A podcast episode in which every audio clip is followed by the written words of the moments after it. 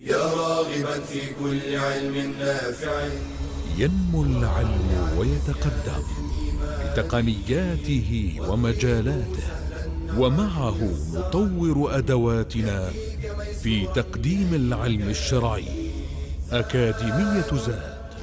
زاد أكاديمية ينبوعها. صاف صاف ليروي غلة الظمآن. والسيرة العلياء عطرة الشدى.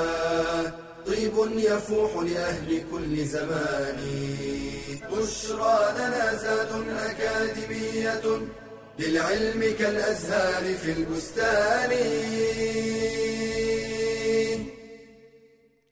إن الحمد لله نحمده ونستعينه ونستغفره ونستهديه ونعوذ بالله من شرور أنفسنا وسيئات أعمالنا. من يهده الله فلا مضل له ومن يضلل فلا هادي له وأشهد أن لا إله إلا الله وحده لا شريك له وأن محمدا عبده ورسوله صلى الله عليه وعلى آله وأصحابه وإخوانه ومن دعا بدعوته واستنى بسنته واهتدى بهديه إلى يوم الدين وبعد. آه، أرحب بإخواني وأخواتي من طلاب وطالبات العلم في برنامج أكاديمية زاد في دورته الثانية وفي هذا المستوى الثالث من دراسة السيرة النبوية العطره على صاحبها أفضل الصلاة وأتم التسليم. ندرس في هذا المستوى تعاملات الرسول الكريم صلى الله عليه وسلم امتثالا وتأولا للقرآن الكريم. لقد كان لكم في رسول الله أسوة حسنة لمن كان يرجو الله واليوم الآخر وذكر الله كثيرا. فنحن آه، نقتفي أثره صلى الله عليه وسلم ونتأسى ونتبع في تعاملاته. كنا في اللقاءات الماضية تحدثنا عن تعامله صلى الله عليه وسلم مع أهله زوجاته بناته أبنائه أحفاده وتعامله مع آه، جيرانه وكذلك تعامله مع آه، الذين أوكلهم الله تحت يديه من المماليك والخدم. اليوم في هذا اللقاء نتحدث بإذن الله عز وجل عن تعامله صلى الله عليه وسلم مع فئة من فئات المجتمع وهم أهل البلاء وأصحاب العاهات. الله سبحانه وتعالى لما خلق الخلق ميز بينهم في أجسادهم وألوانهم وقدراتهم فالناس ليسوا سواء في ذلك آه وميز أيضا بين صورهم وأشكالهم وألوانهم ومن الناس من ابتلاه الله عز وجل بالحرمان من شيء من النعيم الذي أنعم الله به على بعض عباده من النعم الجسمانية. آه فتجد أن هناك من فقد السمع منهم من يفقد البصر منهم من ليس لديه القدرة على التحدث فهو أبكم منهم من لا يستطيع تحريك اطرافه ربما يكون لديه شلل كامل أو عرج أو آه، شلل جزئي يبتليه الله عز وجل بفقد شيء من هذه الحواس هذه القدرات وربما ليس فقدها ربما ضعفها كما يحصل أحيانا أن بعضهم قد يبتلى بشيء من آه، الضعف في العقل كالتأخر العقلي ودرجات وتفاوت الناس في عقولهم. أي مجتمع من المجتمعات في الغالب أنه لا يخلو من هذه الفئة آه، من أهل آه، الابتلاء في أجسامهم وأجسادهم وعقولهم.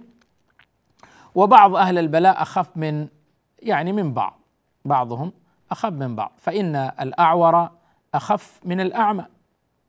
وإن الذي يكون اعرجا فهو أخف من القعيد المشلول الذي لا يمشي. والله سبحانه وتعالى جعل هذا البلاء لحكمة يريدها الله سبحانه وتعالى.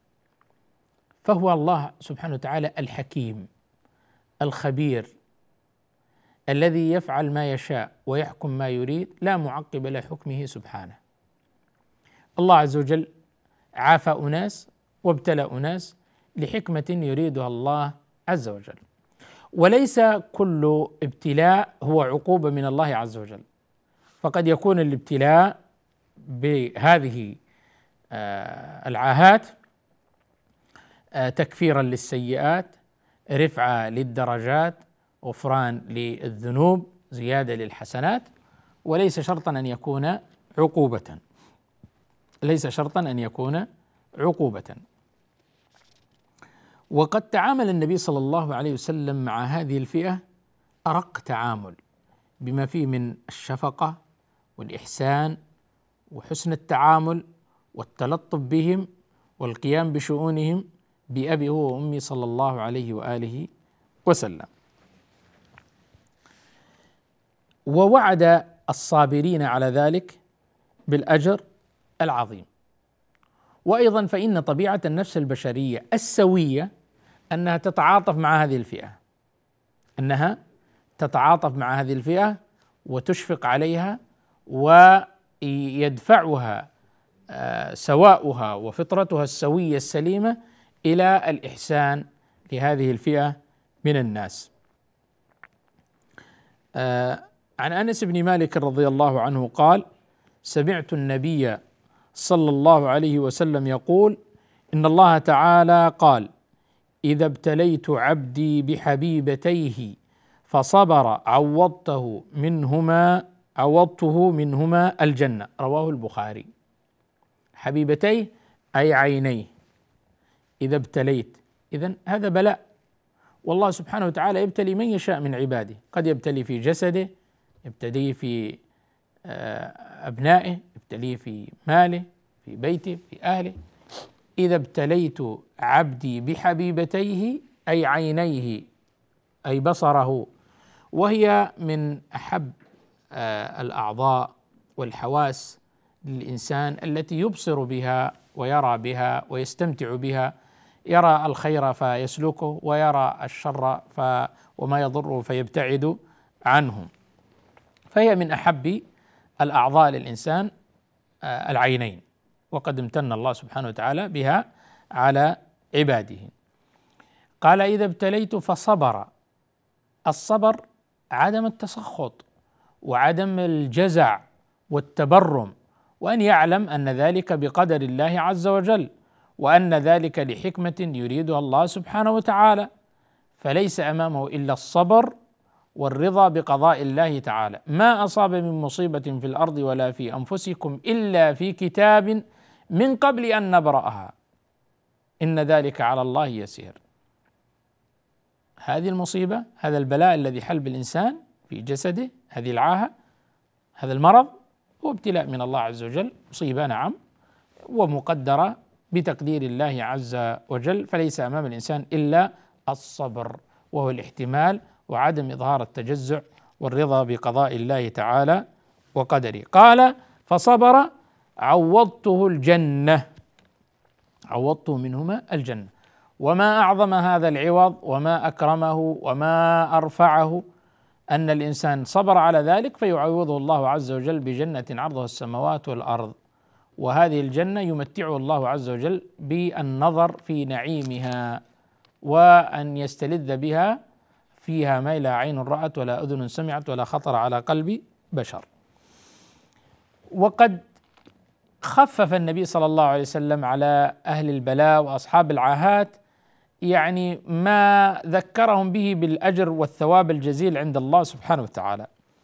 ومن ذلك عن جابر بن عبد الله رضي الله عنهما قال: قال رسول الله صلى الله عليه وسلم: يود أهل العافية يوم القيامة حين يعطى أهل البلاء الثواب لو أن جلودهم كانت قد قرضت في الدنيا بالمقاريض رواه الترمذي وحسنه الألباني.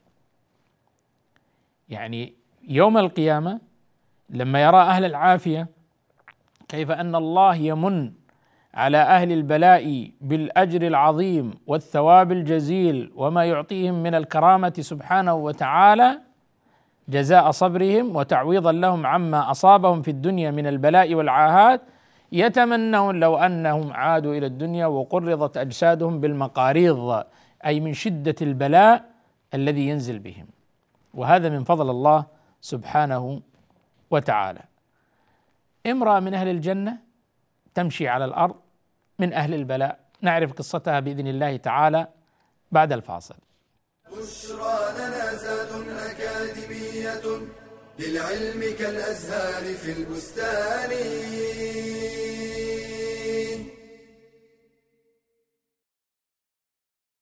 لقد من الله على المؤمنين إذ بعث فيهم رسولا من أنفسهم يتلو عليهم آياته ويزكيهم ويزكيهم ويعلمهم الكتاب والحكمة وإن كانوا من قبل لفي ضلال مبين. الإيمان بالرسل ركن من أركان الإيمان وواجب اعتقادي من أعظم الواجبات.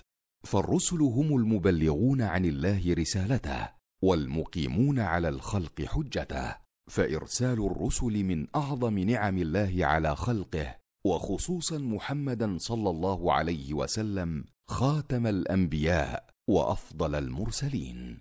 والإيمان بالرسل يتضمن التصديق بأن الله تعالى بعث في كل أمة رسولا منهم يدعوهم إلى عبادة الله والكفر بما يعبد من دونه. الاعتقاد بأنهم جميعا صادقون قد بلغوا جميع ما أرسلهم الله به. فلم يكتموا ولم يغيروا. الإيمان بأن دعوتهم جميعا قد اتفقت على التوحيد. قال تعالى وما أرسلنا من قبلك من رسول إلا نوحي إليه أنه لا إله إلا أنا فاعبدون. واما الشرائع والاحكام فإنهم يختلفون فيها لقوله تعالى لكل جعلنا منكم شرعة ومنهاجا. الاعتقاد بأن من كفر برسالة واحد منهم فقد كفر بالجميع. قال تعالى كذبت قوم نوح المرسلين. فجعلهم الله مكذبين لجميع الرسل مع أنه لم يكن رسول غيره. حين كذبوه. الإيمان بأن الله أيدهم بالمعجزات الباهرات والآيات الظاهرات. التصديق بما صح عنهم من أخبارهم. الإيمان بأن خاتمهم هو نبينا محمد صلى الله عليه وسلم فلا نبي بعده. قال تعالى ما كان محمد أبا رجالكم ولكن رسول الله وخاتم النبيين. الاعتقاد بأنهم يتفاضلون في المنازل عند الله وأن أفضلهم محمد صلى الله عليه وسلم. وللإيمان بالرسل ثمرات جليلة منها العلم برحمة الله تعالى وعنايته بخلقه حيث أرسل إليهم أولئك الرسل الكرام للهداية والإرشاد. شكر الله تعالى على هذه النعمة الكبرى. محبة الرسل وتوقيرهم والثناء عليهم بما يليق بهم لأنهم رسل الله تعالى وصفوة عبيده. العلم بقدرة الله تعالى واصطفائه لبعض خلقه وتفضيله بعضهم على بعض. التمسك بما جاءوا به فهو الطريق الموصل إلى سعادة الدنيا والآخرة. بشرى لنا زاد أكاديمية للعلم كالأزهار في البستان الحمد لله والصلاة والسلام على رسول الله وآله وصحبه من والاه. امرأة تعيش في الدنيا تمشي على الأرض ويشار إلى أنها من أهل الجنة. لماذا؟ ذاك نتيجة صبرها على البلاء الذي ابتلاها الله عز وجل به. عن عطاء بن أبي رباح وهذا من خاصة تلاميذ ابن عباس رضي الله عنهما. قال قال لابن عباس ألا أريك امرأة من أهل الجنة؟ وهذا من باب التشويق. ألا أريك امرأة من أهل الجنة؟ قلت بلى. قال هذه المرأة أتت النبي صلى الله عليه وسلم فقالت إني أسرع أن يصيبها الصرع. وقد يكون هذا آه، الإصابة بالصرع نتيجة آه، شحنات زائدة كهربائية في المخ وربما تكون بسبب يعني مس من الشيطان أو من الجن للإنسان فأحدهما قد يكون. فقالت يا رسول الله إني أسرع وإني أتكشف فادعوا الله لي. يعني يصيبها الصرع خارج عن إرادتها فيحدث منها التكشف ربما وجهها أو شيئا من بدنها وإني أتكشف فادعوا الله لي. تريد أن يدعو لها النبي صلى الله عليه وسلم. فقال النبي صلى الله عليه وسلم يخيرها إن شئت صبرت ولك الجنة. وهذا الشاهد صبرت ولك الجنة. وإن شئت دعوت الله أن يعافيك. فقالت أصبر يا رسول الله. ما أكمل عقل هذه المرأة؟ قالت أصبر. وأحتسب عند الله عز وجل من أجل الجنة. فإنما هي فترة وجيزة ربما يعاني فيها الإنسان ربما يمرض ربما يتعب ربما يسقم ثم تنقضي هذه المدة ويفضي إلى جنة عرضها السماوات والأرض. قالت أصبر. ثم قالت يا رسول الله إني أتكشف. فادعوا الله لي ألا أتكشف. يعني شيء فوق طاقتها بدون إرادتها. يحصل هذا الصرع ثم تتكشف هذه المرأة. فطلبت من النبي صلى الله عليه وسلم أن يدعو لها ألا تتكشف. وبورك في تلك المرأة التي تحرص حتى وقد رفع القلم عنها وهي معذورة لو حصل منها تكشف ومع ذلك تسأل النبي صلى الله عليه وسلم أن يدعو لها أنه إذا صرعت ألا تتكشف وتبقى على سترها. فدعا لها النبي صلى الله عليه وسلم رواه البخاري ومسلم. الشاهد من ذلك ان من هدي صلى الله عليه وسلم في التعامل مع أصحاب العاهات أن يستمع إلى معاناتهم أن يصبرهم يذكرهم بالأجر والثواب من الله عز وجل أن يدعو لهم. هذا كان هدي النبي صلى الله عليه وسلم. فأنت تدعو لهذا المبتلى وتصبره وتذكره بالأجر عند الله سبحانه وتعالى. أيضا كان من هديه صلى الله عليه وسلم في التعامل مع أهل البلاء أصحاب العاهات أنه يقضي حوائجهم. وربما تكون لهم احتياجات كثيرة وتختلف عن احتياجات غيرهم فلا بد من مراعاة ذلك. فكان صلى الله عليه وسلم يقضي حوائجهم. عن أنس بن مالك رضي الله عنه أن امرأة كان في عقلها شيء. في عقلها شيء ربما يكون في عقلها ضعف ربما في عقلها تأخر عقلي شيء من اللبس. فقالت يا رسول الله إني لي إليك حاجة عندي حاجة أريد منك أن تقضيها. فقال يا أم فلان انظري أي السكك شئت حتى أقضي لك حاجتك. يا أم فلان هذا في نوع من التكريم. لهؤلاء الناس لهذه الفئة. الاحترام تقدير. يا أم فلان انظري أي السكك شئت حتى أقضي لك حاجتك. يعني شوفي أي طريق من الطرق هذه المسلوكة وأنا آتي إلى هذا الطريق وأستمع إليك وأقضي حاجتك. فخلا معها في بعض الطرق الطرق المسلوكة. أي كانت في ممر الناس ومشاهدتهم لكنهم لا يسمعون ماذا تحدث النبي صلى الله عليه وسلم. فخلا معها في بعض الطرق حتى فرغت من حاجتها. ربما يكون سؤال ربما يكون طلب فسعى النبي صلى الله عليه وسلم في قضاء حاجتها.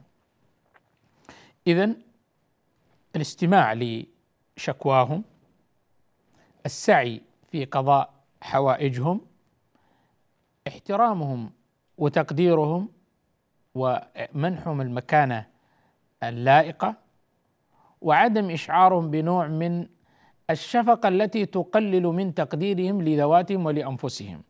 بالعكس من رحمة الله تبارك وتعالى أنه إذا أخذ شيئا عوض أشياء كثيرة فربما ذلك الإنسان الذي أخذ الله منه بصره عوضه حافظة قوية وذاكرة صلبة وفهما وذكاء مفرطا وهكذا.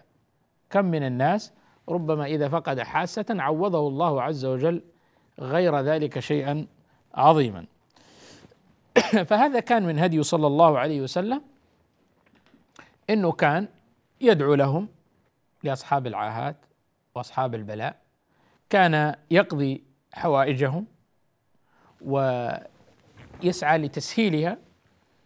ومن ذلك يعني مثلا آه، من ذوي الاحتياجات الخاصة وربما الذي يكون مقعدا يحتاج إلى إعانة يحتاج إلى خدمة يحتاج إلى مساعدة سواء في سيره سواء في صعوده للدرج آه، في دخوله إلى المدرسة إلى مكان الوظيفة إلى الطائرة مثلا آه، موقف سيارته لا ينبغي أن يقف الإنسان في موقفهم فيؤذيهم. وهو حدد له هذا الموقف ليكون أقرب إلى المكان الذي يريده أيسر.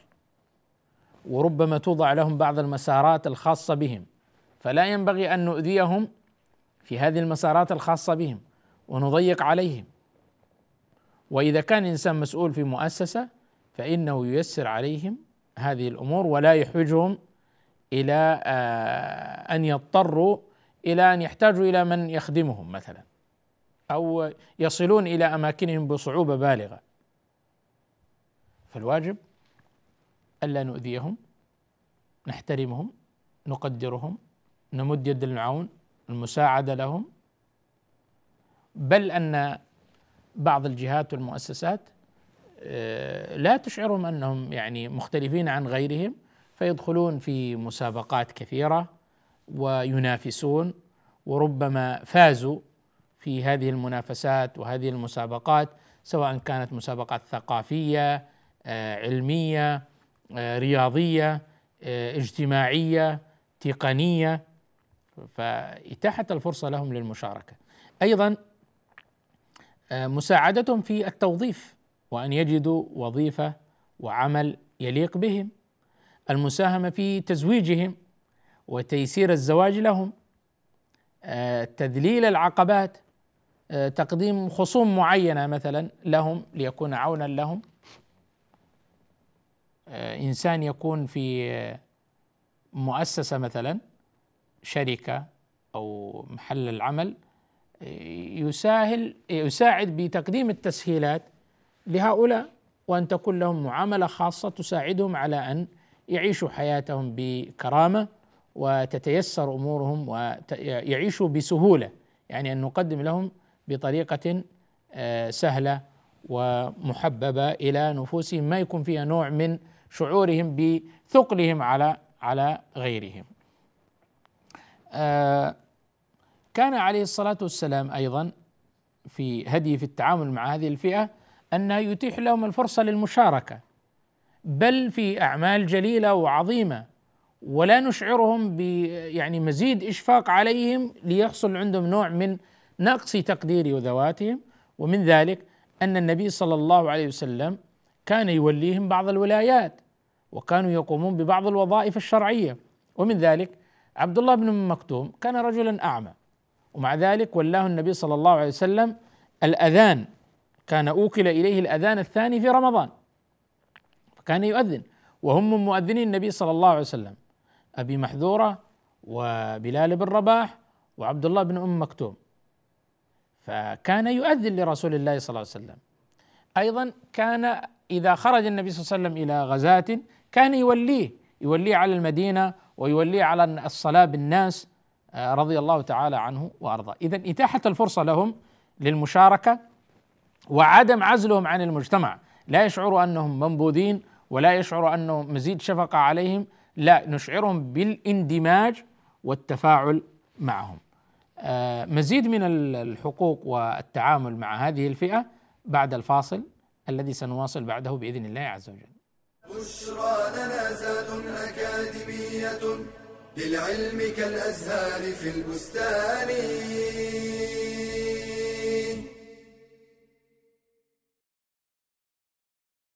للإيمان أركان يقوم عليها ولا يصح إلا بها ومنها الإيمان بالقدر وهو تقدير الله تعالى لكل ما يقع في الكون حسب ما سبق به علمه واقتضته حكمته.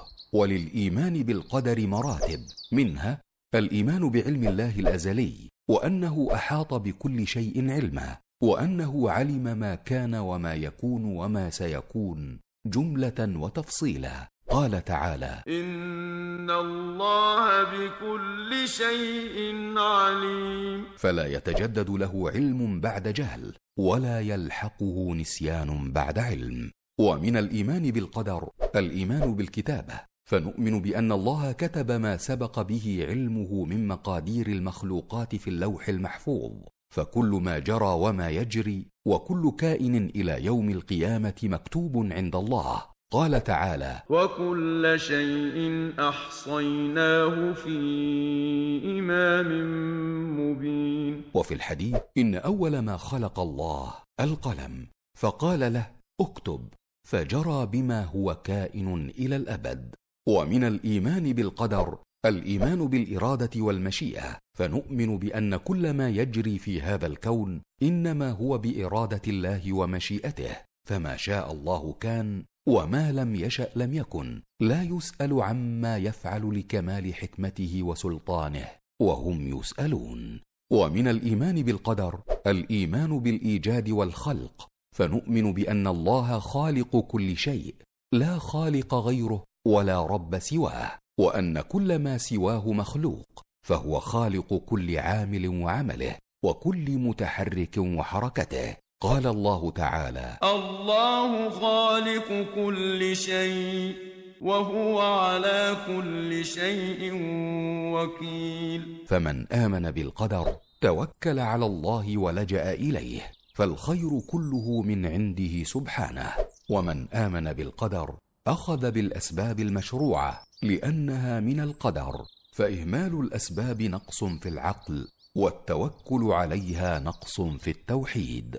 ومن آمن بالقدر اطمأنت نفسه وثبت عند المصائب لعلمه أنها مقدرة. قال تعالى ما أصاب من مصيبة في الأرض ولا في أنفسكم إلا في كتاب من قبل أن نبرأها. إن ذلك على الله يسير. لكي لا تأسوا على ما فاتكم ولا تفرحوا بما آتاكم. والله لا يحب كل مختال فخور.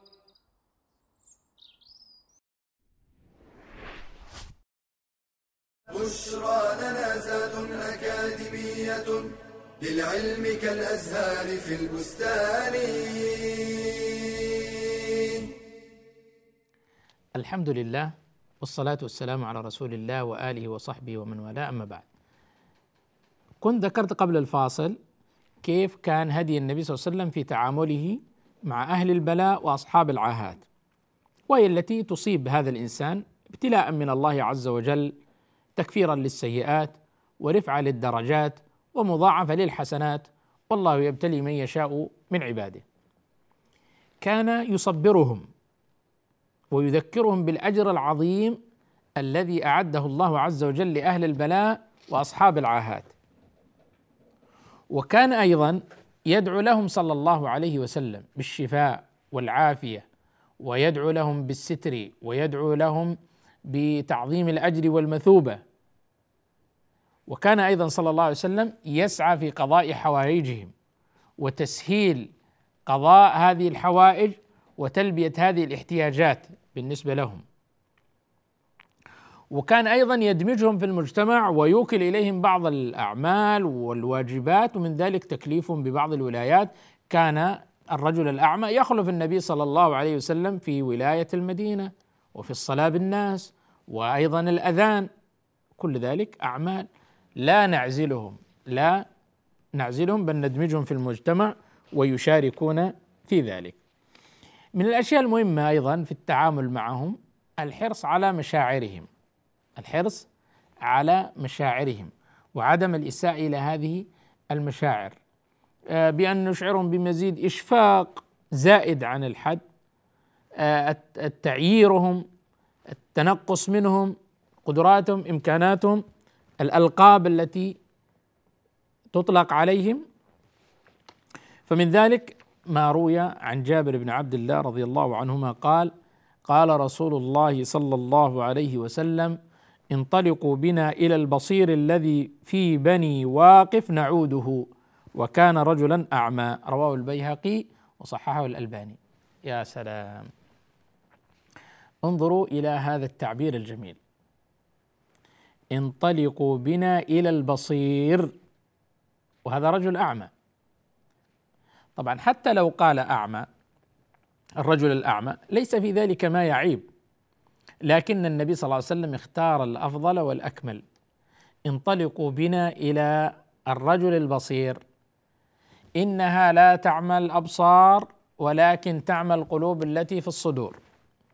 كم من أناس نظروا ستة على ستة ونظره حاد إلا أنه اعمى البصيره والعياذ بالله. ولقد ذرأنا لجهنم كما قال الله سبحانه وتعالى كثيرا من الجن والإنس.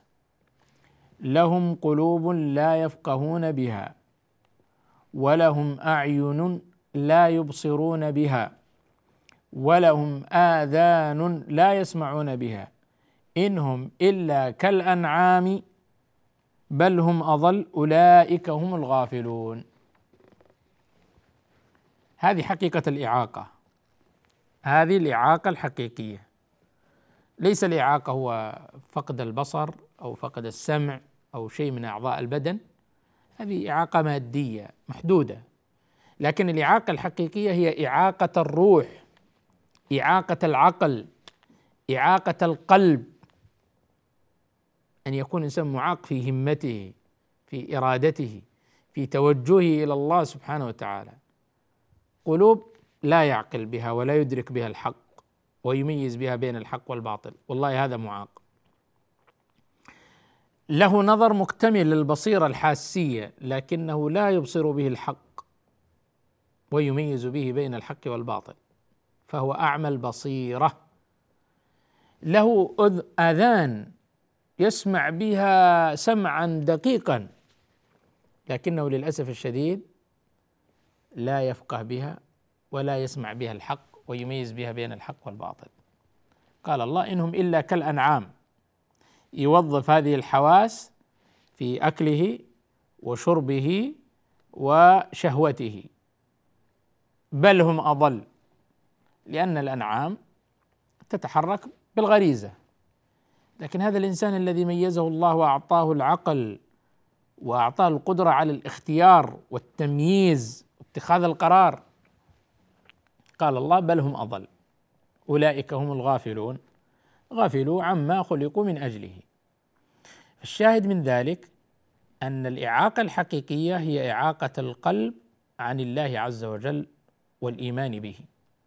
والإعاقة الحقيقية إعاقة العقل في أن ينطلق في آفاق فسيحة. اتاحها الله عز وجل له بتمكينه من هذا العقل. إذا لاحظوا النبي صلى الله عليه وسلم انطلقوا بنا إلى هذا البصير. الحرص على مشاعر الناس والألقاب التي تطلق عليهم. الألقاب التي تطلق آه، عليهم. البصير ما قال الأعمى. وإن كان حتى لو قال أعمى فهذا مت يعني مسموح به لا حرج في ذلك إذا لم يكن على وجه التنقص والازدراء. نزوره نعوده إذا هذا أيضا من حقوقهم الزيارة عيادتهم الاطمئنان عليهم التواصل معهم فكل ذلك مما آه، يتلطف به معهم. وأيضا النبي صلى الله عليه وسلم زار ذلك الرجل عتبان بن مالك رضي الله عنه وأجاب طلبه لما قال له أراد منه أن يصلي له في مكان في بيته بسبب أنه كان يؤم الناس وقد كبر سنه وأيضا أصابه آه، مرض وكان ولا يرى الطريق عمى وكان هناك الوادي يسيل فيخشى على نفسه فلا يستطيع فأراد أن يصلي له في مكان يتخذه مصلى ففعل النبي صلى الله عليه وسلم زاره. وساله آه، أين تحب أن أصلي لك؟ فأشار إلى مكان فصلى فيه النبي صلى الله عليه وسلم وأما الناس فيه. فزيارتهم السؤال عنهم إجابة دعوتهم تفاعل معهم تواصل معهم هذا أيضا من حقوقهم. كونه عنده آه، يعني جانب معين مثلا من بلاء في جسده لا لا يعيقه ذلك عن الحياة. فكم رأيناهم قد سابقوا ونافسوا وحققوا آه، أعلى الإنجازات وحققوا أعلى الدرجات آه، العلمية. أيضا في تعامله صلى الله عليه وسلم أنه حث أمته على الاتعاظ بأهل البلاء، أخذ العظة، الموعظة، العبرة، شكر نعمة الله عز وجل، عدم ازدراء النعم التي أنت فيها. عن عمر بن الخطاب رضي الله عنه أن رسول الله صلى الله عليه وسلم قال: من راى صاحب بلاء فقال الحمد لله الذي عافاني مما ابتلاك به وفضلني على كثير ممن خلق تفضيلا إلا عوفي من ذلك البلاء ما عاش. رواه الترمذي وحسنه الألباني رحمه الله. رأى صاحب بلاء. هذه فرصة لأخذ العظة والعبرة وتتذكر نعمة الله عز وجل عليك. كم أنعم الله عليك من النعم؟ تأمل في جسدك. تأمل. كم مرة تغسل هذه الكلى وأنت لا تشعر في اليوم الواحد؟ بينما ثلاث مرات يغسل في الأسبوع وجهد عظيم. ومع ذلك أنت لا تشعر. قلبك ينبض بحيوية بصرك سمعك لسانك أطرافك قوتك بدنك عقلك. إنما تملكه عظيم جدا ربما يكون إنسان فقير في ذات المال. لكنه غني جدا أعطاه الله عز وجل الصحة والعافية. ما تريد أكثر من ذلك. فإذا رأى الإنسان المبتلى تذكر نعمة الله عز وجل عليه فأورثه شكر الله عز وجل على هذه النعمة. ويوظف هذه النعم في طاعة الله سبحانه وتعالى.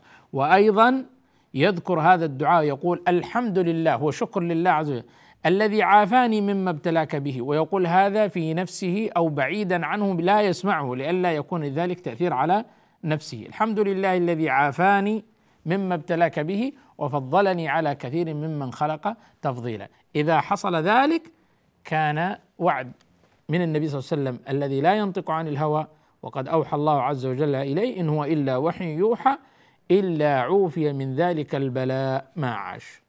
ما دام يعيش في هذه الحياة فإن ذلك البلاء لا يصيبه بإذن الله تعالى طالما أنه قد ذكر هذا الدعاء العظيم حينما رأى ذلك المبتلى. نسأل الله سبحانه وتعالى أن يعافينا مما ابتلى به كثيرا من عباده وأن يوفقنا للاقتداء والاهتداء بهدي رسول الله صلى الله عليه وسلم وآخر دعوانا ان الحمد لله رب العالمين. يا راغبا في كل علم نافع متطلعا لزيادة الإيمان وتريد سهلا النوال ميسرا يأتيك ميسورا بأي مكان زاد زاد أكاديمية ينبوعها. صاف صاف ليروي غلة الظمآن. بشرى لنا بشرى لنا بشرى لنا زاد أكاديمية للعلم كالأزهار في البستان.